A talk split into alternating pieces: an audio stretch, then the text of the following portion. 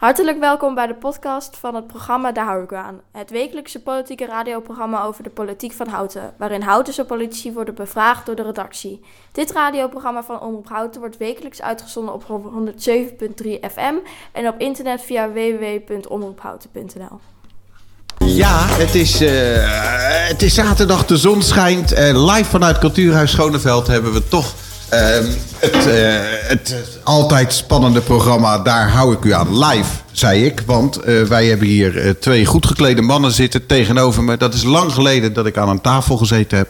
En die twee goed geklede mannen zijn uh, in dit geval Marcel van Gooswillige, uh, fractievoorzitter van D66. En Wouter van den Berg, uh, de fractievoorzitter van de SGP.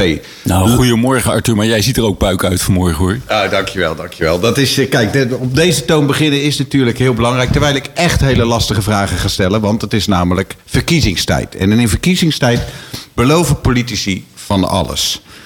Um, daar gaan wij natuurlijk, als, uh, daar hou ik aan, paal en perk aan stellen. Wij gaan zorgen dat dat niet zomaar ongestraft uh, voorbij kan gaan. En als jullie dingen zeggen die uh, later niet waar blijken... dan gaan we jullie daaraan helpen herinneren... en zorgen dat jullie daar last van krijgen. Um, dus, leuk dat jullie er zijn. Ik weet dat jullie vandaag ook echt hard aan het werk moeten. Want, Gerard Hurkmans, ik heb jou aan de lijn. Ja, goedemorgen Arthur. Goedemorgen, wat fijn dat je er bent. Um, jij hebt vanochtend, ben je vroeg uh, je bed uitgegaan om eens te kijken wat doen politici nou in campagnetijd. Wat heb jij gezien? Ja, nou ja, ik heb uh, vanochtend gezien dat uh, steeds meer politici zich op het plein verzamelden. eerst met wat verbaasde blikken, want er bleken natuurlijk allemaal marktkramen te staan. En waar moeten zij een kraampje dan kwijt? Nou, dat is nu gebeurd aan de rand. Dus de politiek is nu aan de rand van het plein verschenen. De periferie. De periferie. En ook uh, in verschillende opkomsten. Er zijn verschillende strategieën. Uh, hele vrachtwagens. SGP is met een vrachtwagen gekomen. En heeft die ook pontificaal voor de deur van hun eigen kerk geparkeerd. En dat biedt toch ook wel een nieuw perspectief voor de parkeerproblemen op het plein. Als dat zomaar kan. En wat me verder opviel was het er waren een aantal partijen heel laat. Uh, bijvoorbeeld uh, natuurlijk Houten. Maar ja, die hebben een eigen bakfiets. Dus dat is ook een oplossing van het vervoersprobleem. Ja. ITH, die was ook heel laat. Maar die hadden een andere strategie. Die hebben de SGP gewoon het kraampje op laten bouwen. En toen dat kamp er klaar was, zijn ze er gewoon schaamteloos bij ingetrokken. Dus dat, ik, ik, ik weet niet uh, hoe deze samenwerking zich verder gaat ontwikkelen. We kunnen het meteen aan hem vragen. Is er sprake van een lijstverbinding, uh, Wouter? Nee, zeker niet. Maar we zijn door Griffie uh, allemaal uh, ja, bij iemand, een andere partij ingedeeld in de kraam. En wij zijn aan ITH gekoppeld, ja. Ik weet niet, ja. bij, met wie zijn jullie, de, Marcel? Natuurlijk met Natuurlijk Houten. Ja, nou, precies zo. Maar de, bij jullie heb je dus zelf op moeten bouwen. Want natuurlijk Houten die is uitge, die heeft nee, uitgeslapen. Er, er kwam zo'n uh, zo'n kramerman die dat keurig heeft gedaan om 9 Oh, uur. ja. Okay. En iedereen staat er een beetje te schuiven. En we hadden het plan inderdaad om, om het netjes aan de randen te doen. Dus de, de observatie klopt. We staan aan de randen. Ik zou het niet de periferie willen noemen. Maar uh, we zijn goed zichtbaar. En uh, ja, sommige partijen waren er vroeg bij en waren enthousiast. En de anderen die kwamen ook op tijd. Ja. Een onwennige samenwerking. Uh, feitenmannetje, uh, fijn dat je er bent. fijn dat ja. je voor ons vanochtend zo vroeg je bed uitgegaan bent. Je mag nog niet terug naar bed, want als ik het goed begrepen heb... gaan we jou zo meteen ook nog even horen. Wat kom je doen zo meteen? Nou, ik ga eerst, toen ik jullie net tegen elkaar complimenteus hoorde... ik ga eerst een, een ander overhemd aantrekken. Want ik, ik moet meedoen met jullie in, de, in de kledingvoorschriften. Heel goed. Maar... ehm, nou ja, ik, ik heb uh, wat onderzoek gedaan naar uh, verkiezingsuitslagen in Houten. En uh, nou ja, ik wil daar wel iets over komen vertellen. Ja, en als ik een klein voorschot mag geven. Volgens mij gaat Wouter van den Berg, die gaat wel blij, blij weg naar jouw analyse, hè? Straks. Ja, dat weet ik niet. Ik ben het feitenmannetje. Ik, ik, ik vind niks. Nee. Maar, uh, dus ik heb gewoon wat feiten op, op een rij. En ik heb voor deze aflevering uh, vooral gekeken naar uh, het stemmen per stembureau in Houten. En, en zijn daar opvallende dingen over te zeggen. Uh, ja. Dus in de verschillende wijken. En ik heb ook gekeken naar de voorkeurstemmen van de vorige keer. Nou, heel, heel spannend. Eh, leuk dat je er zo aankomt. Trek een mooi overhemd aan en wij zien jou zo meteen. Gaan wij Oké. hier door in de studio met eh, Marcel van Gooswilligen van D66 en Wouter van den Berg van de SGP. Eh, jullie staan vandaag op de verkiezingsmarkt eh, in het Oude Dorp. Ehm, het is een beetje een rare, eh, het is een beetje een rare periode, maar leeft het? Hebben jullie de indruk dat de verkiezingen een beetje leven? Bij de politieke partijen wel, maar bij de inwoner is het nog een beetje wennen. En wat, ook, ja, wat natuurlijk ook niet helpt, is afgelopen week hebben wij echt wel onze campagne op een laag pitje gezet. Dus geen ludieke acties, leuke dingen. Situatie in Oekraïne die vraagt om, om daar toch met wat eh, meer respect mee om te gaan. Tegelijkertijd merk ik de afgelopen dagen dat wij wel de draai maken van... Laten we onze democratie ook gewoon vieren. Laten we koesteren wat we hebben en laten we trots zijn op wat we hebben. Dus wij zijn een stukje bij beetje toch in de, in de campagnestand gekomen. We zijn er zelf al heel druk mee, maar dat is volgens mij al, al weken, misschien al maanden. Ik kan nergens komen of ik eh, kom Wouter van den Berg tegen. En eh, helaas praat hij dan niet terug. Hier gelukkig wel vandaag. Op Eh, een hele grote bus zie je hem staan. ja, en overal la- langs de weg en op karren. En eh, je kan het zo gek niet bedenken. Dus wat mij betreft, eh, als het gaat om de campagne, dan, eh, dan Ja, dat- eh, zijn zij wel het meest zichtbaar. Dat doet hij wel goed. ja, toch? dat vind ik echt heel gaaf. Eh, Nou, en we hebben je hier. Het voelt toch een beetje alsof we dan een celebrity in ons midden hebben. Hè? Die, eh, Ja, dat valt wel mee, maar dank jullie wel. Het is natuurlijk leuk om eh, terug te horen, want we hebben inderdaad eh, al maandenlang zijn we be- geleden begonnen met, eh, met dit alles te bedenken en voor te bereiden. Ehm, maar ik herken me wel in wat Marcel zegt, dat eh, voor de politieke partijen is dit al heel lang heel belangrijk. Maar ik denk dat de meeste inwoners nu wel, eh, nou ja, als ze misschien boodschappen gaan doen, een keer denken van, hé, hey, oh ja, eh, daar heb je ze weer. Loop ik er met een boog omheen of ga ik voor die flyer? Hè? Dat is dan even de keuze die mensen moeten maken. Ehm, maar dan, dan komende week dan heeft iedereen de stemwijzer wellicht wel gedaan. En dan, dan gaat het steeds meer leven. Daar zitten we nu middenin. Ja, nou, nou En, en Arthur, toch even, eh, sommige mensen zijn cynisch. Hè, van ja, we hebben jullie jarenlang niet gezien. En dat is overigens niet waar, maar dat maakt niet uit. Hè, dat is hun beleving, dus dat, is per definitie wel waar. Eh, maar ik merk, nou ja, zoals Wouter van den Berg... die ontzettend veel aandacht eh, vestigt op zijn partij... maar ook op de verkiezingen. Eh, wij doen dat ook. Eh, Ik, ik ben nu ook heel actief op sociale media. Elke dag probeer ik wat te posten onder motto... wat houdt je nou als lijsttrekker bezig en waar ben je mee bezig? Mensen vragen er ook om. Maar je wil, je, wil, je wil ook die bewustwording op gang brengen. Dus het is wel heel belangrijk. En ik hoop ook dat we gewoon een grote opkomst krijgen. Ja. En wat, wat ik al zei, ja, dat, die hele situatie in Oekraïne... ehm, ja, ik, ik, ik vind het echt heel pittig. Tegelijkertijd, ja, in godsnaam laten we koesteren wat we hebben. En, en, en laten we trots zijn op wat we hebben. En, en laten we dan ook er gebruik van maken. Maar goed, we gaan, we, gaan, we gaan het er even over hebben, inhoudelijk. De- twee dingen. Jullie zouden eh, in deze periode, we, schijnen zelf eh, gas te krijgen van Rusland, dat wist ik niet. Maar we schijnen hier in Houten eh, te draaien op het gas wat uit, eh, uit Rusland komt. Is er dan bij jullie een soort, eh, start er een overleg van, ja, wat kunnen we met dat contract? Of, eh, Ja, Gazprom is misschien wel leuk dat ik dat toelicht. Eh, eh, hoor, De gemeenteraad in Hout heeft eigenlijk een tweetrapsraket gedaan. We hebben eerst ge- gezegd, eh, wat kunnen we doen met, eh, met eh, vluchtelingen die deze kant op komen? Kan ons college zich daarop voorbereiden en hebben ze daar ideeën over? En een van de waardevolle aanvullingen volgens mij van, van Wout van den Berg was... en kunnen we ook geleerd hebben van wat we een paar jaar geleden dan allemaal hebben ervaren... en laten we dat dan ook meenemen. En de tweede trap, eh, eh, tweede trap van die tweetrapsraket... ja, is misschien een beetje ongelukkig woord in dit verband... maar eh, dat was ook, ja, wat, wat gaan we doen met dat Gazprom-contract?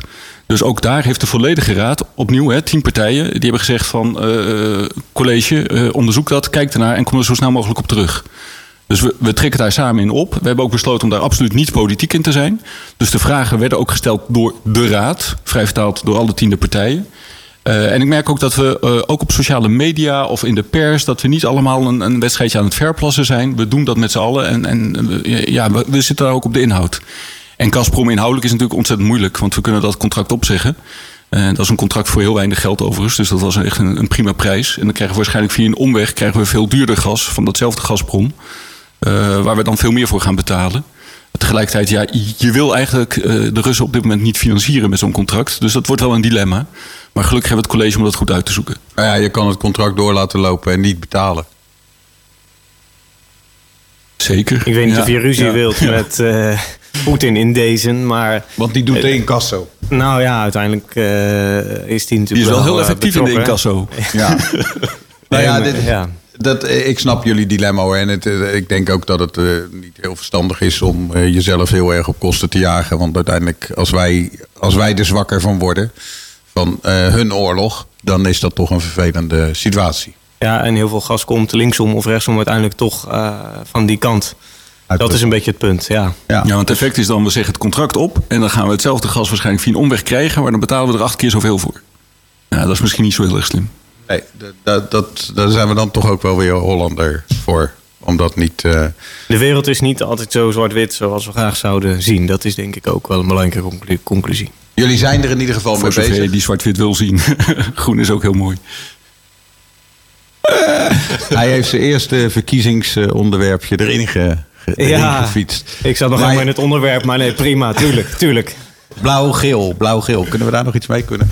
Um, het is, um, dat is helder. Jullie hebben dat thema uh, wel degelijk opgepakt. Jullie kijken ernaar, onderzoeken dat. En daar uh, gaan we te zijn de tijd meer van horen. Uh, je gaf net aan, Marcel. en als partij die, de, die het vaak heeft over de kroonjuwelen van de democratie. je hebt het over het vieren van de democratie. Je zou ook kunnen zeggen dat bij de opkomst van de komende verkiezingen een rol gaat spelen dat we uh, die ruimtelijke koers wat ongelukkig gedaan hebben. Of is dat, uh, heb je daar verder geen last van? geen last van, dat is een beetje een rare uitdrukking. Ik denk dat uh, veel houtenaren zich heel erg bewust zijn waar de lokale politiek voor staat en wat er gebeurt en waar besluiten over worden genomen. Dus de relevantie van, van wat wij aan het doen zijn is volgens mij alleen maar helderder geworden. Dus ik verwacht een, ik, ik hoop eigenlijk een relatief hoge opkomst. Uh, en de klassieker is, uh, uh, wij hoeven niet te winnen. Wij willen alle kiezers die hetzelfde denken als ons aan ons binden. En voor ons ja, eigenlijk weten te overtuigen dat ze op ons moeten stemmen. En als dat er heel veel zijn, dan, dan vertolken wij het geluid van heel veel houtenaren. En als dat er wat minder zijn, dan zijn het er wat minder. Maar uiteindelijk wil je de kiezers die, die het eens zijn met jouw denkbeelden, met jouw ideeën, die wil je aan je binden. En nogmaals, ik hoop wel dat we een, een flinke opkomst krijgen. Is opkomst een beloning voor goed bestuur? Ja, of in, nou in ieder geval het omgekeerde is denk ik waar. Als mensen zich niet betrokken voelen en niet het idee hebben dat hun stem uh, lokaal iets toe doet, ja, waarom zou je dan eigenlijk gaan stemmen? En er is natuurlijk best veel cynisme onder niet-stemmers. Je denkt, ja, maakt het allemaal uit? Of, of die zakkenvullers of de politiek één pot nat. Um, en ik, hè, jij noemde even de ruimtelijke koers, om daar dan toch uh, dit aan te verbinden. Wat we toen wel zagen, is dat er op een gegeven moment een soort besluit werd genomen door een vrij grote meerderheid in de raad en het college. En dat uiteindelijk mensen eh, in zo'n soortzelfde meerderheid, maar dan een omgekeerd besluit namen in het referendum. Dus daar zat wel iets tussen. Hè? En eh, waar dat dan aan ligt en hoe dat dan inhoudelijk zit, daar kun je nog lang over praten. Maar dat laat wel zien dat um, het heel belangrijk is dat dat in verbinding is met elkaar, politiek en samenleving. Ja, nee, dat, dat, dat is inderdaad dat is helder geworden. Um, dat zijn dus de, de onderwerpen waar jullie nu naar kijken. Als jullie met mensen uh, nu in gesprek raken over de komende periode. Wat is dan volgens jullie het onderwerp waar ze behalve de ruimtelijke koers mee bezig zijn? Kijk, wonen is wel, hè, dat heet dan nu niet meer de ruimtelijke koers. Wonen is wel heel belangrijk nu. Het thema van de vorige verkiezingen was wonen, wonen, wonen. Ja, dus, dus, dat is al heel lang belangrijk. En dat wordt alleen maar urgenter. Hè. Nog meer mensen weten hoe groot de woningnood is. En de huizenprijzen zijn nog meer gestegen. En er zijn nog minder betaalbare woningen te vinden. Dus dat is volgens mij alleen maar urgenter geworden dan weer dan vier jaar geleden. Voor jullie is ook wonen, wonen, wonen nu het thema. Nou ja, onze, de slogan van, uh, van de SGP deze verkiezing is bouw mee. Dus dat bouwen zit er ook heel erg in. Maar dan zeggen wij natuurlijk, hè, bouw mee. We moeten het vooral ook samen doen. Wij vinden dat dat vaak te weinig samen is opgezet. En daarom ook die. Maar ook bij ons hoor je dat natuurlijk terug, ja. Zeker. Marcel. Ja, wonen is absoluut een thema. Uh, eigenlijk begint iedereen als eerste over. Uh, duurzaamheid, biodiversiteit, groen uh, is ook echt wel een, een thema. Je zou bijna kunnen zeggen de twee W's wonen en windmolens... als je het een beetje flauw neerzet. Uh, en voor ons toch ook wel, uh, wij hebben heel veel goede gesprekken over dat uh, en laten niemand vallen. Dus die kansengelijkheid, de problemen die er zijn rondom corona, jongeren, eenzaamheid, ouderen. dat, dat, dat is eigenlijk, eigenlijk is dat altijd het tweede thema na wonen of duurzaamheid, wat daarna aan bod komt. De zorgen over, redden we het met z'n allen? Mijn buurvrouw die, mijn zoon die. Um, en en dat, dat, ja, dat zijn pittige gesprekken, want we hebben het met z'n allen best wel lastig gehad. Uh, en er zijn mensen die echt moeite hebben om mee te doen. En die kansgelijkheid, ook onderwijs. Hè, uh, hoe geef je dat vorm? Wat kan je extra doen in houten? Uh, sporten met elkaar. Um, um, ja, ik, ik, merk als we de straat op gaan, ik, ik, ben heel slecht in flyeren. Want eigenlijk moet je dan altijd binnen twee minuten moet je een goed gesprek hebben. En dan ook als iemand niet wil, moet je afronden en zo. Dat kan ik helemaal niet. Ik heb meestal als enige... Heb Dat ik kan niet afronden. In twee uur of zo heb ik meestal maar vier, vijf, zes goede gesprekken. En dan zit iedereen naar me te kijken. Joh, maar wat, doe jij met al die flyers? Ja, niks, want ik vind het gesprek veel belangrijker. Eh, maar, maar dat gaat eigenlijk vooral over eh, dat derde onderwerp. En dat derde onderwerp was, help me nog even. Niemand laten vallen. Dus eh, inclusie, elkaar helpen, de eenzaamheid, de zorgen, de mentale problemen van onze jongeren. nou, eigenlijk dat, dat onderwerp komt altijd aan bod. En, en speelt veel meer en veel vaker dan wat je denkt. Je hoeft er zelf maar over te beginnen en iedereen komt wel met een verhaal. Joh, mijn vader, eh, mijn dochter, eh, mijn buurman. Weet je wel hoe? Eh, altijd. Nou is het ook zo dat, we waren nog niet zo lang geleden... trouwens, welkom feitenmannetje. Meneer Hurkmans is ondertussen van het oude dorp... waar de verkiezingsmarkt nu begint... heel snel hier naartoe gekomen ons, om ons straks eh, eh, zijn verhaal te Ja, vertellen. keurig overhemd aangedaan. Ja. Keurig zeker. over hem gedaan. Ik vind echt dat hij, eh, dat hij eruit springt vandaag. Eén van ons vieren valt uit de toon, maar we gaan niet zeggen wie. Ja, ik denk, Arthur heeft geen bril, denk- bedoel je dat? Ik denk dat ze op mij doelen. Maar ja, het is radio, jongens. eh, Dus eh, vandaag hoef ik het niet van, van mijn presentatie te hebben. Ja, mijn mondelinge presentatie. Ik wilde nog één ding aan jullie vragen. Eh, Wat je ook ziet is dat eigenlijk redelijk snel eh, corona op de achtergrond geraakt is.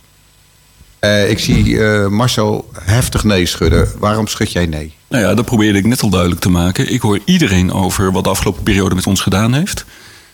Toch nog veel problemen op dit moment en zorgen. Ehm, en ik merk ook dat het sentiment is dat we weerbaarder willen zijn in de toekomst. Dus als het gaat om eh, groen, eh, buiten kunnen eh, leven, sporten, bewegen. maar ook bijvoorbeeld ja, kunst en cultuur is ook een beetje mijn, mijn stokpaardje. Weerbaar zijn en, elkaar ontmoeten, sporten. Ik merk juist dat zowel de zorgen die er nog steeds zijn over de afgelopen periode en wat dat gedaan heeft met onze ja, buren, kinderen, ouders.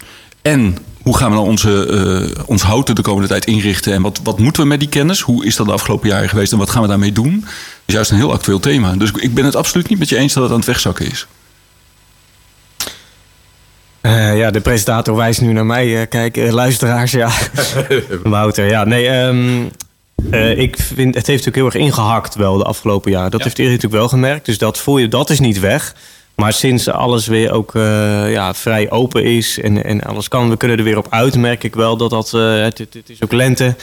Eh, dat geeft me lucht, energie, je ziet meer vrolijke mensen. Ehm, ja, dat, dat wel. En tegelijkertijd dan zo'n nieuw wereldfenomeen als zo'n oorlog.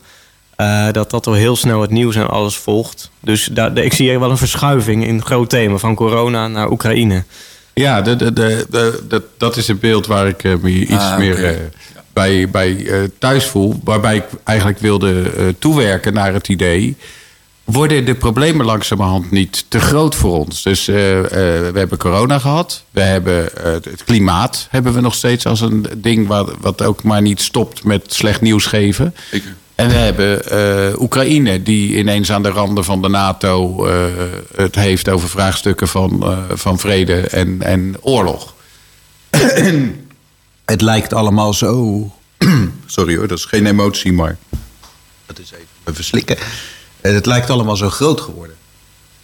Ja, het bijzondere is dat iedereen altijd eh, het gevoel heeft dat hij in moeilijke tijden leeft. Er zijn altijd onderwerpen die heel veel aandacht vragen. Dit, dit zijn serieuze onderwerpen en die vragen ook heel veel aandacht. Daar ben ik met je eens. En je hebt het over Oekraïne aan de, aan de rand van de NATO. Ja, voor mij is het Oekraïne in Europa. En eh, alleen al dat, dat soort woordgebruik maakt al heel veel verschil over hoe voelt het en hoe dichtbij is het en wat is de betekenis daarvan.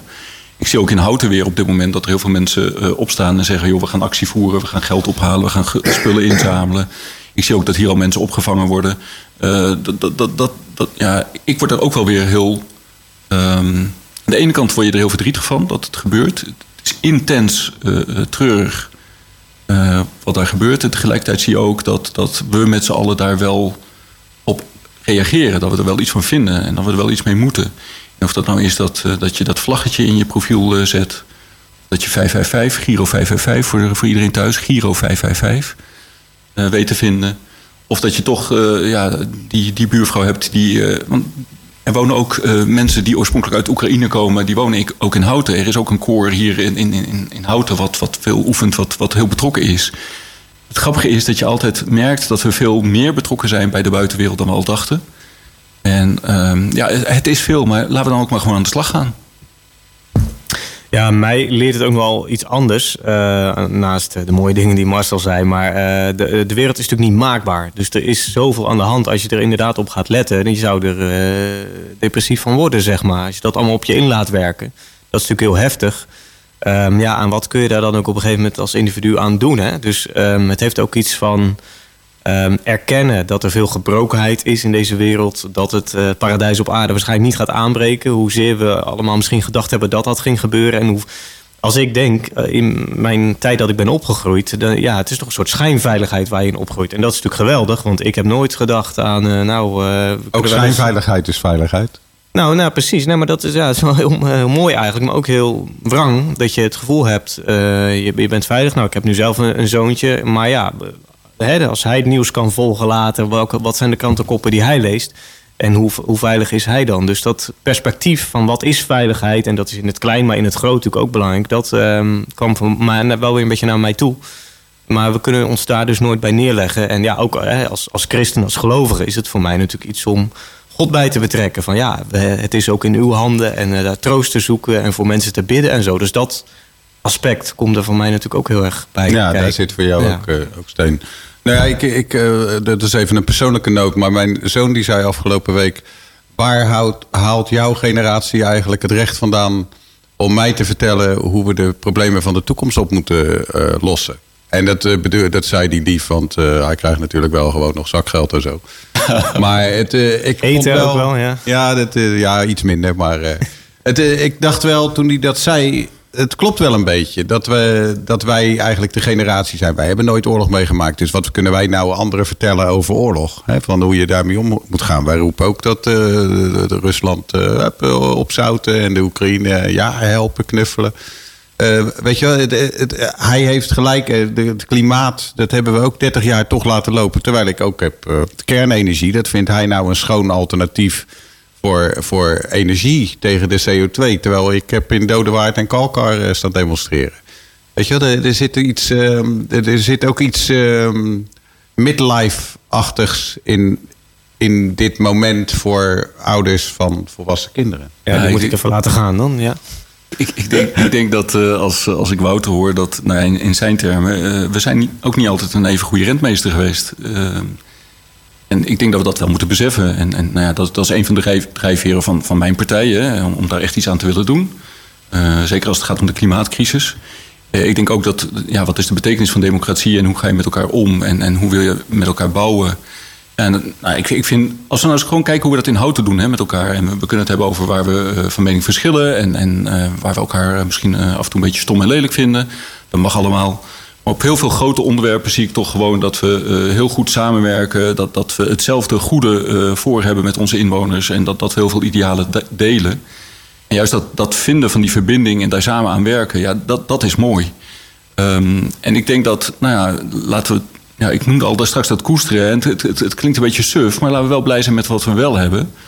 Maar laten we ook kijken wat we, wat we van betekenis kunnen zijn. En ja, of je dat nou vanuit je geloof doet of vanuit. nou, ik, ik ben meer een humanist. En daar, daarin het optimisme wat ik voel van het goede in de mensen en wat we in elkaar kunnen aanboren en hoe we dat met elkaar kunnen doen. Dat kan een even belangrijke drijfveer zijn. Ja, laten we vooral kijken wat we wel van betekenis kunnen zijn en wat we wel kunnen doen. Want uiteindelijk zijn we zelf ook echt. We maken echt een verschil. Iedereen maakt een verschil in zijn eigen omgeving, maar daarmee ook in, in de grotere omgeving. Eh, de, de- eigenlijk eh, het punt wat Marcel aansnijdt is... eh, die, die grote thema's verenigen ons ook. Eh, eh, we hebben een gemeenschappelijke vijand, dat is nu even Rusland. We hebben klimaatproblemen, dat is het probleem van iedereen. Eh, we hebben corona, dat is het probleem van iedereen. Merken jullie ook politiek dat je naar elkaar toe beweegt? Dat je tegen elkaar zegt van... nou ja jongens, moeten we ons eigenlijk niet alleen maar met de grote zaken bezighouden? Ja, in, in het licht van eh, een, een naderende of gaande oorlog natuurlijk wel. Hè. Dan is er geen partij die denkt van nou, daar ga ik eens eventjes eh, op de voorgrond treden ten koste van de rest. Maar ik vind bij dit soort grote gemeenschappelijke beelden wil ik ook wel weer waken voor van nou, we zijn het allemaal wel ongeveer eens en eh, Europa eh, ook. En dat is volgens mij ook niet zo. En dat gaan vast ook op andere manieren wel weer merken. En dat zie je ook rond allerlei thema's in Nederland. Hè. Klimaat is een groot vraagstuk, maar het nou, leidt misschien ook weer tot veel discussie en meningsverschillen. En dat is met de woningbouw ook. En dus ehm, ja, ik ben altijd ook een beetje behoedzaam voor die al te zeer, eh, die, die grote beelden over. We gaan met z'n allen nu dezelfde dingen belangrijk vinden. Want Jij wil ook de verschillen vieren. Nou, niet omdat ik zo graag verschillen vier, maar ik denk dat die er gewoon zijn. En als je dat te veel wegstopt, dan komen ze toch wel naar boven. En je moet het meer als een soort ventiel ook laten bestaan, denk ik, dan het wegstoppen. Want dan eh, komt het toch wel naar boven. Wil voor Marcel nog wat zeggen? Arthur kijkt naar mij. Ja, mijn, mijn punt is veel meer dat, dat we eh, volgens mij het wel eens zijn over de doelen. En eh, hoe je dat wil invullen en jouw wereldbeeld en jouw idealen, die, die geven kleuring aan hoe je dat wil doen. En dat kan zeker verschillen. Maar ook daarin vind ik vaak de, de, de overtrokken termen die we soms wel eens willen gebruiken om het wat scherper neer te zetten. Ja, die vind ik overdreven. Als, als we vertrouwen op, we hebben één gemeenschappelijk doel en de een wil het anders invullen dan de ander. Dan kunnen we elkaar vaak veel beter vinden als we een fietsdebat hebben of een eh, debat eh, met, met LTO over het buitengebied. Ja, als er iemand naast mij staat en die zegt, eh ja, sommigen beschouwen de boeren als de paria, dan denk ik, nou ja, dat, dat, dat herken ik helemaal niet. En dat is ook echt onzin. Dus dat tegen elkaar opzetten, dat hoeft niet. Eh, ja, we kijken wel verschillend tegen bepaalde onderwerpen aan. Ehm, maar dat soort termen, dat, dat, dat hoort er helemaal niet in thuis. Zijn Nee. die termen gebezigd in, eh, in Houten? Want Nou, nou, je ik- naar Wouter kijken. Ik was het niet, maar een Nee, collega nee, zeker, uiteraard. maar dat doelde, daar doelde ik ook niet. Maar, het werd nou, ja, maar ik, Nou ja. op zich, ik vind dan weer, dat moet je gewoon eh, kunnen zeggen als je dat zo ervaart. Eh, want weet je wat het ook is? De mensen thuis, die, eh, pra- eh, die praten natuurlijk niet altijd zo netjes als de politici. Daar leeft dat toch wel. En het, is- ik zeg niet dat je de taal van de, van de straat naar de raad moet brengen, maar wel eh, de gevoelens. En dus- dus- er zijn natuurlijk veel boeren die dat wel zo ervaren. Dus jij sloeg daarop aan, nu herhaal je het weer. Dan denk ik, ja, laat die- dat, laat dat gebeuren. Er zijn ook veel boeren die dat niet zo ervaren. En ik, het, Dat klopt, dat klopt het, het suggereren van dat beeld, van dat is het beeld. En dat werd daar ook eh, nogal massief neergezet. Ja, maar ja. Dat, dat, dat is niet zo. Met die trekkers naar En Den sommigen Haag, mogen hè? dat, Sommigen mogen... Dat was niet voor niks. Wat is dat? Ja, dat- dat was dat doen dat- paria's altijd. Ik, ik, ik begrijp je punt niet. Nou, dat zijn mensen die zich dus jarenlang kennelijk te weinig ge- gezien en gehoord hebben gevoeld. En een keer een grens trokken. En nu gaan we met z'n allen iets doen. Hoe je dat dan precies noemt, daar kun je het nog over hebben. Maar da- over dat gevoel gaat het natuurlijk. Nee, hoe je het nou precies noemt, daar ging het me nou net om. Dus dat kan je als een detail Ja, wegzetten. ja, maar dat was nou net de kern. Als we zeggen van joh, er zijn partijen die, eh, die een, eh, ja, voor mijn part, eh, die, die, die het niet met ons hebben. Of, of die, die het altijd, die de pik op ons hebben. Ik vind het allemaal prima. Maar termen als wij zijn de paria. Of, Ah, nu ga je toch een grijs gebied in. Ik denk laat Groen, het- groen. Maar kijk jongens, jullie zien mij kijken als een konijn in Nou, dat zag ik eigenlijk niet. Doe eens.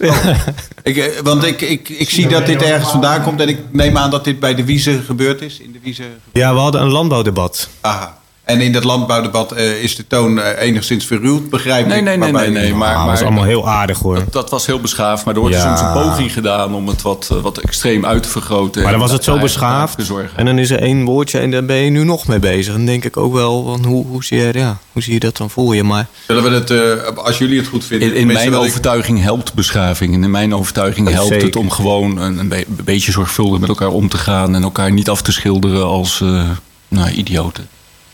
Zeker, zeker.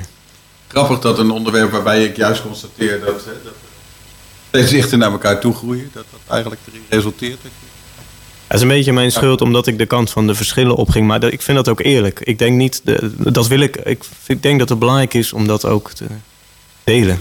Ja, Helder. We gaan het feitenmannetje betrekken bij ons. eh, Die heeft interessante dingen te vertellen. In zijn mooie nieuwe overhemd. Welkom Gerard. Ja, dankjewel. Leuk dat je er bent. En eh, zoals mensen weten heb jij in de afgelopen drie of vier weken...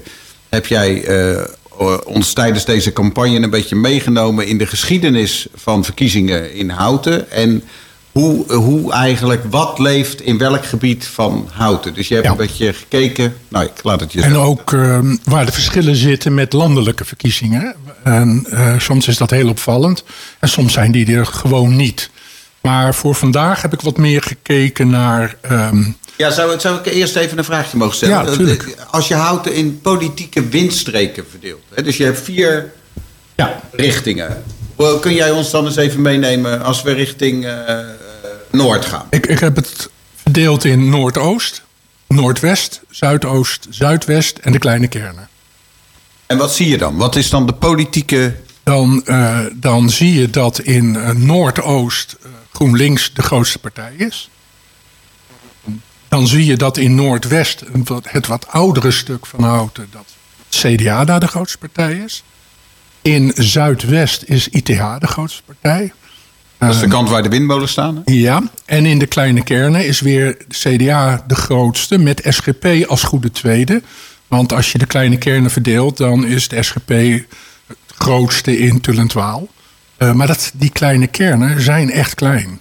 Dus als ik zeg SGP is de grootste, dan heb je het over 151 stemmen.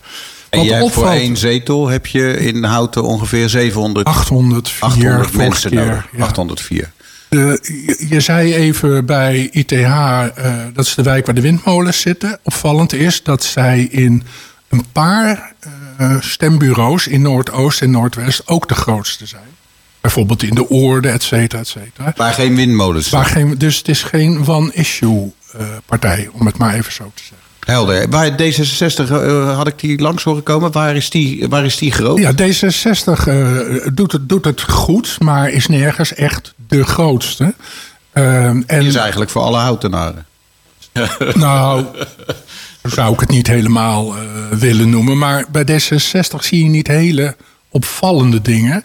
Dat was wel, ik heb dat in een van de vorige uitzendingen gezien... bij de afgelopen landelijke verkiezingen...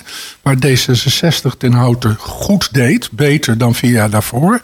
ondanks het feit dat Volt het ook goed deed in Houten. En dat zijn vaak toch wel eh, dingen die elkaar uitsluiten.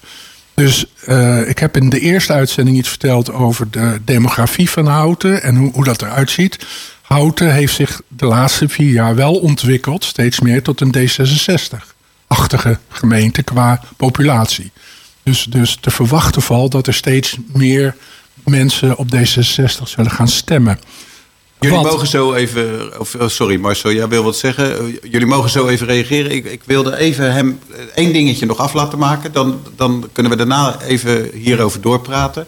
Eh, dat gaat over Wouter van den Berg. Of Nou ja, er zijn, SGP. ja, er zijn, er zijn eh, twee of drie dingen die echt heel erg opvallen. De VVD. De VVD haalt bij de landelijke verkiezingen eh, goede resultaten, maar in Houten nog beter. Een kwart van de Houtenaren, 25%, stemt op de VVD. Bij lokale verkiezingen valt dat terug naar 13. En dat- Halveren. halveren. En dat, en, en dat gebeurt iedere keer. Kun je zeggen, nou ja, dat komt door even stiekem aan, maar dat is niet zo. Want dat gebeurt overal. Dus in, in heel veel gemeentes, dus landelijk, valt dat terug. Verklaring, INO Research heeft daar onderzoek naar gedaan. Eh, VVD'ers gaan vaak niet stemmen.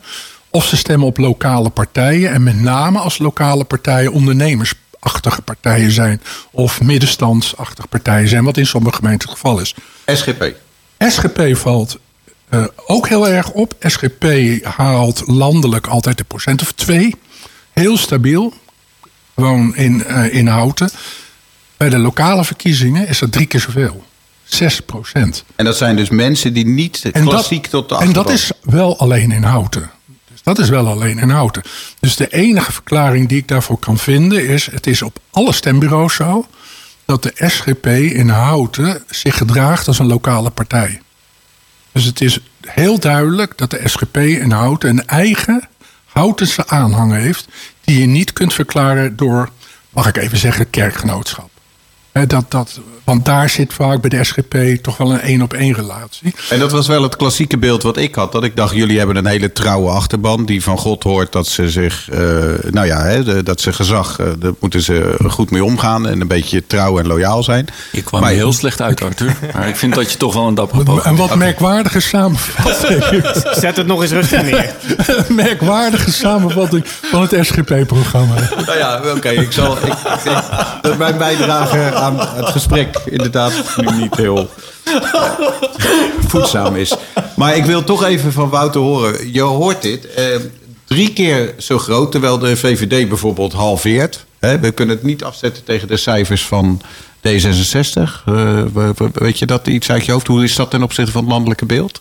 Iets, eh, D60 scoort in Houten beter dan eh, gemiddeld in Nederland. Oké, dus die, die gaan ook wel de goede aan de bovenkant van de streep.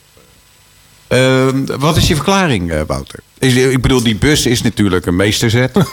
met jouw Nee, dit- grote foto erop. Dit gaat over vier jaar geleden. Ja, ja, precies, dat effect. En eh, toen was er geen bus. Nee, het moet nog blijken of het bestendig is. Of het, eh, precies, wat het uitmaakt. Nee, we, ehm, da- mooie analyse trouwens, Gerard. Dank. Interessant. Ook over de andere partijen. Ehm, maar wij, ja, wij kennen natuurlijk dit verschil. En we weten dat er veel mensen binnen de kerken op SGP stemmen. Maar niet alleen. En ook heel veel mensen daarbuiten. En dat is al een beetje van oudsher. Dus als ik de naam Gijs van Leeuwen noem...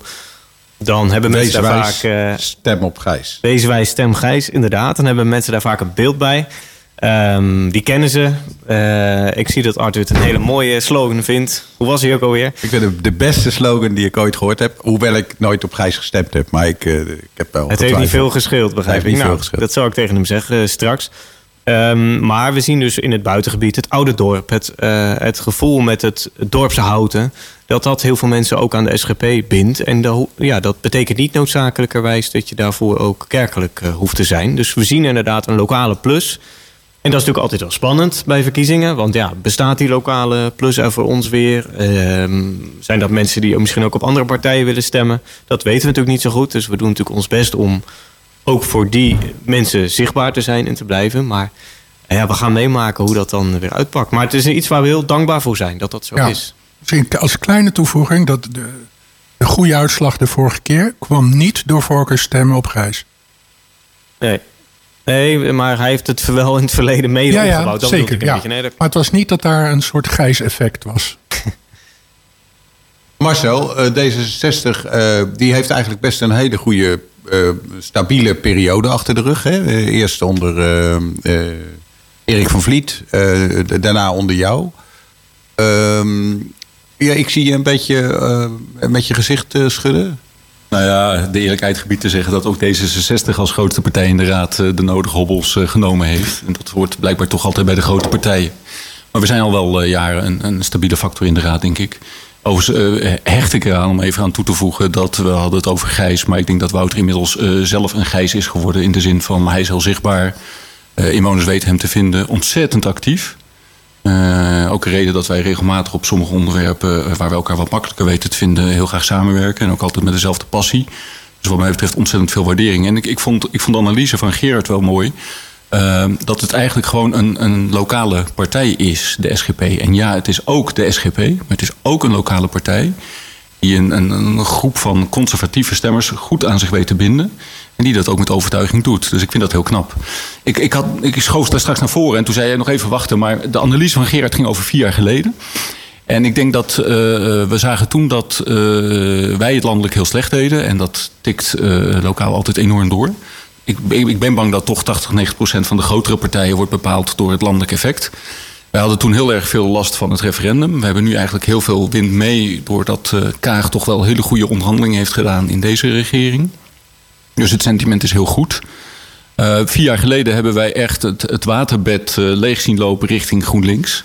Eh, En wat ik nu merk, dat is dat toch wel veel D66-stemmers weer op ons honk terugkeren.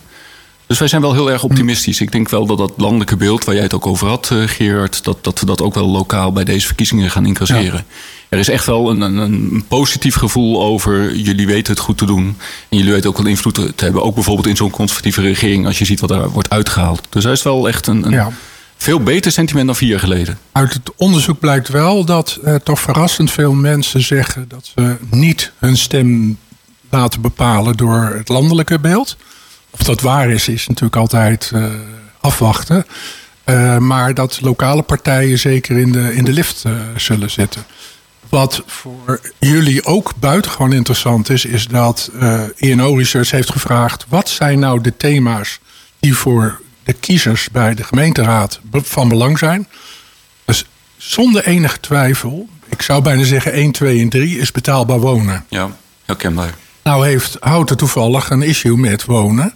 Eh, dus de ruimtelijke koers zal ongetwijfeld heel veel invloed gaan hebben. Dus normaal gesproken zou een partij als eh, Natuurlijk Houten... eh, zetels van het CDA af gaan pakken. En zijn partijen die meer een duidelijke koers hebben van... wij zijn voor dat voorstel of dat... die zullen gaan winnen, omdat dat voor de kiezer duidelijk is. Niet iedereen in Houten heeft tegen de ruimtelijke koers gestemd. Dus bijvoorbeeld de VVD is klip en klaar in dat standpunt. Dus die zullen daar geen last van hebben. Terwijl het, bij het CDA zie je verdeeldheid. In welk standpunt is de VVD? VVD is niet zo heel eh, duidelijk, De hoor. VVD van even stiekem maar heel scherp. Nou ja, zij hebben intern. eh, Ik hou me even bij de feiten. Zij hebben intern geen verdeeldheid over de ruimtelijke koers. Wat het CDA natuurlijk wel heeft. Zelfs met een scheuring tot gevolg. Die herken ik. In het verkiezingsprogramma van de VVD lees ik dat ze inzetten op Oost. En in de stemwijze lees ik dat ze toch inzetten op Noordwest. Ja, ik vind ze niet zo duidelijk hoor, maar dat is misschien een beetje Nee, maar, beroepsdeformatie. maar, dat maakt ook niet uit. Als we Ah, de, de VVD is er nu niet, dus het is misschien... Nee, nee, maar het gaat er niet om of wij dat vinden. Maar het gaat erom of de achterban van de VVD dat vindt. En als die daar geen probleem mee hebben, dan, dan gaat er niks gebeuren. Dus die zullen niet zo snel om die reden weglopen. Terwijl als je kijkt naar eh, natuurlijk Houten, kijk maar naar de lijst, dan zie je namen die je kent van het CDA. Dus, dus dat, of het wordt een flop, of zij gaan pijn doen aan het CDA. Dat kan niet anders. Iets wat overigens bij het CDA sowieso wel opvalt... dat het eigenlijk de leverancier van spl- eh, splinterpartijen is in Houten. Hè? Want ook ITH is uiteindelijk begonnen met eh CDA'ers. En, eh, en uiteindelijk daar weer via een omweg Houten anders. Dat zeg je Nou, scherp. Ja, dat Ja, is. eh, ja. Dat, dat, dat- maar dat is. eh, het, eh, betekent dat, want ik wil daar even op doorgaan. Die, waar Wouter blijkbaar in slaagt, is om een lokale partij te zijn als grote landelijke partij. En D66 die slaagt er ook een beetje in, hè, want die komt niet zo hoog als eh, de SGP eh, qua verdriedubbeling. Jullie komen gewoon ietsje hoger. Eh, maar hoe, hoe, hoe werkt dat? Hoe, waar, voel jij, waar voel jij ballast van het landelijk en waar voel jij voordeel van het landelijk? Ballast van landelijk is altijd meteen herkenbaar als een van je eigen kroonjuwelen aan de orde komt. Vier jaar geleden was dat het referendum. Op dit moment merk je dat, nou, wat, wat ik al zei, er was heel veel zorg over eh, Kaag, die uiteindelijk toch weer met dezelfde eh, drie andere partijen in zee ging. Eh, veel zorg, ook binnen de eigen partij. Totdat het programma eruit kwam en toch wel zichtbaar werd dat landelijk er heel veel D66 gerealiseerd werd in het eh, regeerakkoord. En toen zag je opeens heel veel tevredenheid. Dat je eigenlijk in een conservatieve meerderheid in, eh, Nederland... dat je toch een heel stuk progressief beleid eh, kan realiseren. En dat, dat geeft ook een beetje het gevoel van ja, dat, dat kan lokaal ook. En nou ja, dat zal ook onze inzet zijn. Wij, zullen toch proberen dat progressieve geluid... als het gaat om duurzaamheid, eh, als het gaat om onderwijs... eh, om dat hier ook te laten horen. En ja, ik denk dat wij eh, heel duidelijk zijn geweest over bijvoorbeeld de ruimtelijke koers. Nog steeds. Ik denk ook dat wij steeds het eerlijke verhaal vertellen over waar wij zorgen en twijfels hebben en welke afweging wij daarin maken. Nou, ik merk dat dat ook enorm gewaardeerd wordt. Dus in dat opzicht ook, ja, ik begon al, ik denk een half uur geleden. Uiteindelijk wil je de kiezers aan je binden die zich kunnen vinden in jouw standpunten. En als dat er heel veel zijn, dan kan je heel trots zeggen, joh, maar eh, eh, we zijn gesteund door een hele grote groep. En als dat er weinig zijn, dan zijn het er maar wat minder. Maar je gaat niet shoppen bij wat vindt de kiezer om dan daar je standpunten bij te bepalen. Je staat gewoon nergens voor. Maar in hoeverre ben jij eraan gehouden om. eh, ik bedoel, ik kan me ook voorstellen dat je denkt. D66, wij willen meer lokaler eruit zien en we gaan ons, eh, we noemen ons eh, D66A. Noem maar wat. Dat je een soort sub. Catchy. Eh, Ik heb wel eens betere ideeën gehoord. eh. Ja, Arthur is niet helemaal in vorm. Maar ik begrijp, ik begrijp wat je bedoelt. Ehm, nou ja, ik, ik ervaar hem altijd als een hele scherpe... eh, en, en, eh, dus, dus de, eigenlijk, D66A, eigenlijk is het een soort van omgekeerd compliment. Ja, CD66A. Ah, ik bedoel, ik, ik, probeer een beetje na te voelen of, waarom je die Ja. ballast van een landelijke partij mee zou nemen in je lokale profiel. Eh, je, je bent in staat om lokaal gewoon je eigen profiel te kiezen. Dus als wij vinden dat, eh, ik noem maar wat, de compensatie voor eh, het leenstelsel te weinig is, dan kan je daar gewoon wat van vinden. Eh, en dat kan je ook gewoon op een congres roepen en dat kan je ook gewoon vinden. En je kan lokaal ook dingen doen die een beetje stout en ondeugend zijn. En, en eigenlijk heb je daar heel veel ruimte in. Maar als er op landelijk niveau een incident is of een probleem is, dan heb je daar gewoon last van. Dat zal je nu zien bij Volt bijvoorbeeld. Die gingen hartstikke goed. Nou, die hebben nu een hoop gedoe. Ehm, nou, ik denk dat in de grote steden dat het voor D66 best wel één of twee zetels kan schelen. Omdat anders die kiezers die vanuit D66 naar Volt gingen, ja, die komen nu toch weer terug. Omdat Volt geen stabiele partij lijkt te zijn. En toch ook in bepaalde plaatsen heel erg moeite heeft om een fatsoenlijke lijst uiteindelijk eh, te presenteren. Over dat- dat Dus landelijk- het, het, heeft, het heeft wel effect. Maar als je het hebt over ben jij als D66 houten gebonden aan bepaalde dingen. Nee, je, deelt dezelfde normen en waarden. En daar kom je op een heleboel onderwerpen natuurlijk wel hetzelfde uit. Want het zou raar zijn als je met diezelfde normen en waarden op iets anders uitkomt. Maar het is niet zo dat wij de oekazen krijgen. Gij zult nu een vijfde windmolenpark eh, plaatsen. Niet? Oh, dat dacht ik wel eens, maar dat is dan niet zo. maar wat dan- mij opvalt heb is... ik je toch weer kunnen helpen daarmee. Het zijn er maar vier.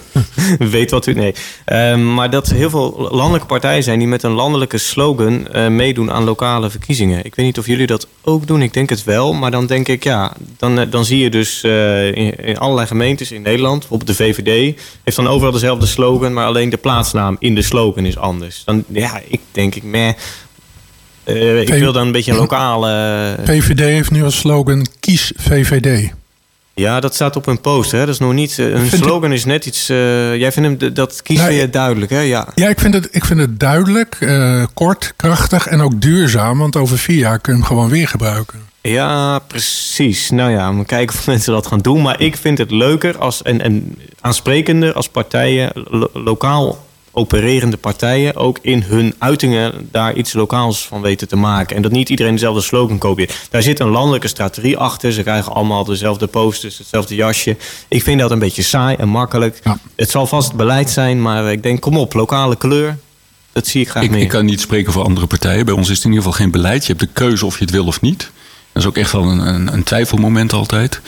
We hebben bewust voor gekozen om op de posters ons team te presenteren. Dus wij hebben echt eh, onze top 5 met een persoonlijke boodschap. eh, die nu nog klein, maar binnenkort op de abris wat groter leesbaar is. Eh, waarin iedereen zich kan Ah, de profileren. abris, Wa- leuk. Waarmee wij ook kunnen laten zien eh, dat we een sterk team hebben met individuen die hun eigen thema's hebben. En, en ja, daar, daar ben ik hartstikke trots op. Er was een leuke Zeker. foto bij de Rietplas. J- jullie hebben zelfs een openingspagina in eh, het groentje gekocht, zag ik. Nou ja, openingspagina, maar dan achterin. Ja, ja van Ja, een ja, bijlage. Of van ja, zeker. Je begint met lezen. En Ja. dat is- zag ja. goed uit. Zeker. Leuk. Zijn we ook heel tevreden mee. Nee, nee maar dat, dat- dat is het voordeel van, dat gaf ik al aan, dat is het voordeel van zo'n landelijke partij. Eh, die eh, die advertenties worden met eh, iets meer dan gemiddelde korting, eh, geloof ik, ingekocht. Eh, dat, dat scheelt echt een, een sloot geld, waardoor je iets meer kan doen dan, dan anders. En dat formatje, dat kan je ook kiezen. En vervolgens mag je de boodschap zelf erin zetten. En dat geeft wel de ruimte die, je- die je voelt. Eh, en, en dat is gewoon heel erg fijn. Dat Dus is een ik, eh, voordeel wat je hebt als je voor zo'n grote partij... eh, Zo- Zolang je maar wel je eigen verhaal mag houden, eh, vind ik het heel erg fijn dat je, dat je gebruik kan maken van de kennis en kunde die er landelijk is. Ja, zeker. Met jullie welnemen wil ik nu graag naar de voorkeurstemmen gaan. We gaan zo meteen ook nog even met Bram Boshart bellen, omdat hij gaat veel vertellen over het Oekraïnse koor. Wat er, Oh, sorry, ik, ik praat iets te ver van de microfoon. Eh, eh, de Oekraïnse koor, maar we gaan het nu nog even hebben over de voorkeurstemmen. Want daar is ook iets interessants over te vertellen, Gerard. Maar vandaag krijgen we geen muziek. Nee, nee, want eh, er zijn zoveel interessante onderwerpen om met jullie te bespreken... dat we gezegd hebben, vandaag geen muziek. Maar mijn portie 50 jaren, 50 jaren, 60 muziek moet ik dus missen. Precies, precies. Er moet Jammer. gewoon hard gewerkt worden in campagnetijd. Ehm, nou ja, we hebben gewoon even gekeken wie krijgen nu eigenlijk, wie kregen in Eh, voorkeurstemmen. Daar hoorde ik allerlei dingen over waarvan ik dacht, hé, dat wil ik eens even checken. En eh, dat was interessant. Nou, dan zijn we benieuwd. We zitten er helemaal klaar voor, Gerard. Nou, wie denken jullie heeft vier jaar geleden de meeste voorkeurstemmen gekregen? Ja, dat moet bijna de lijsttrekker van het CDA zijn. Nee, even los van de lijsttrekkers. Ah, Daar kan, ik, Oh, ook, daar zo. kan ik ook nog even iets over zeggen. dan zou het de eerste vrouw op de lijst van de grootste partij kunnen zijn. Dus ik denk uh, Marjan Aane misschien? Het was uh, Hanny van Doorn. Ah, nou ja, zie je. Ja, ja ook logisch. En Marian Aane als tweede inderdaad. En Marjan Boonzaaier als derde. Uh, wat verder opvalt bij voorkeurstemmen is dat als je zo'n beetje de eerste tien zijn inderdaad allemaal vrouwen. Dus de trend van je stemt op mee als er een mannelijke lijsttrekker is, is vaak een vrouw nummer twee. Dat zie je landelijk, dat zie je in Houten ook zeker. Het is dan ook uh, electoraal niet zo goed te begrijpen dat uh, VVD en Houten anders gewoon op de eerste vijf plaats mannen hebben staan. Je kunt zeggen dat heeft de SGP ook, maar we hadden het net over. Het gaat natuurlijk om wat je achterban verwacht. En bij de SGP is die verwachting echt anders dan bij de VVD of, of, uh, of houdt anders. Het is gewoon Ze moeten het natuurlijk zelf weten, maar het is gewoon electoraal niet slim. Wat zijn de cijfers, eh, de, de absolute cijfers? Dus iemand die op één staat, we- hoeveel voorkeurstemmen heeft hij gekregen? 748, En die op, eh, op vijf staat?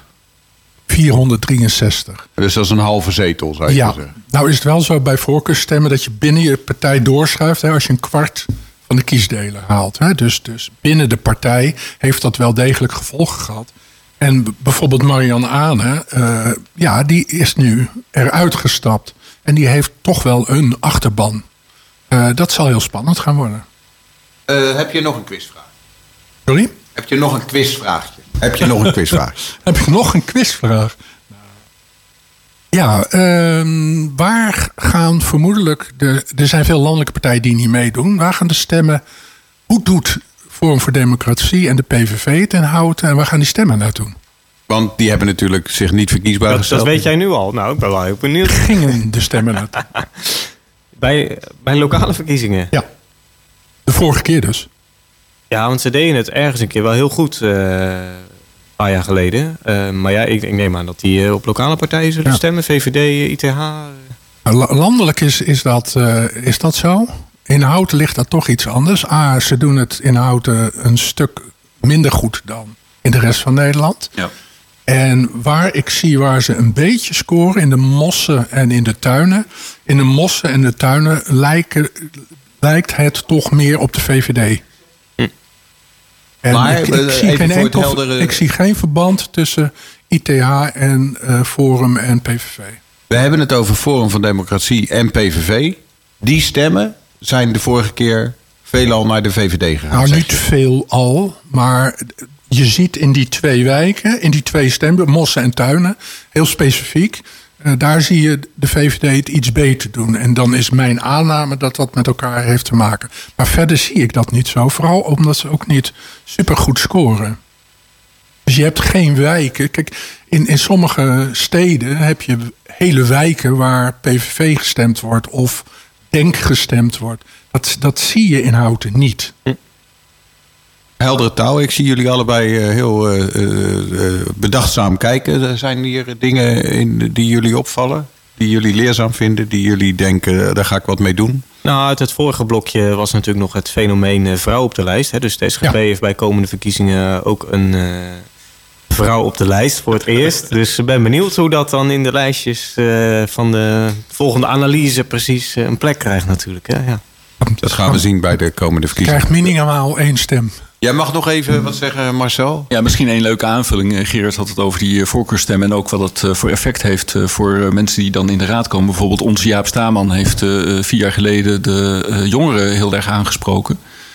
Eh, op, opvallend veel, waardoor die met een eh, ja, voorkeurstem eh, in, in de raad kwam. 262. Ja, dus dat, eh, dat is ook nog wel een effect wat, eh, wat binnen de verschillende partijen speelt. Nog even los van de vrouwfactor. Je, je hebt soms ook een groepje, eh, iemand die in een gemeenschap, een sportvereniging... of die historisch een bepaalde rol heeft vervuld... die daardoor toch nog wel wat, eh, wat Zeker. aantrekkingskracht heeft. Daar, daar is een heel groot verband. Ja. Ja. Ja. Ja, eigenlijk leer je hiervan dat je gewoon een vrouw op één moet zetten.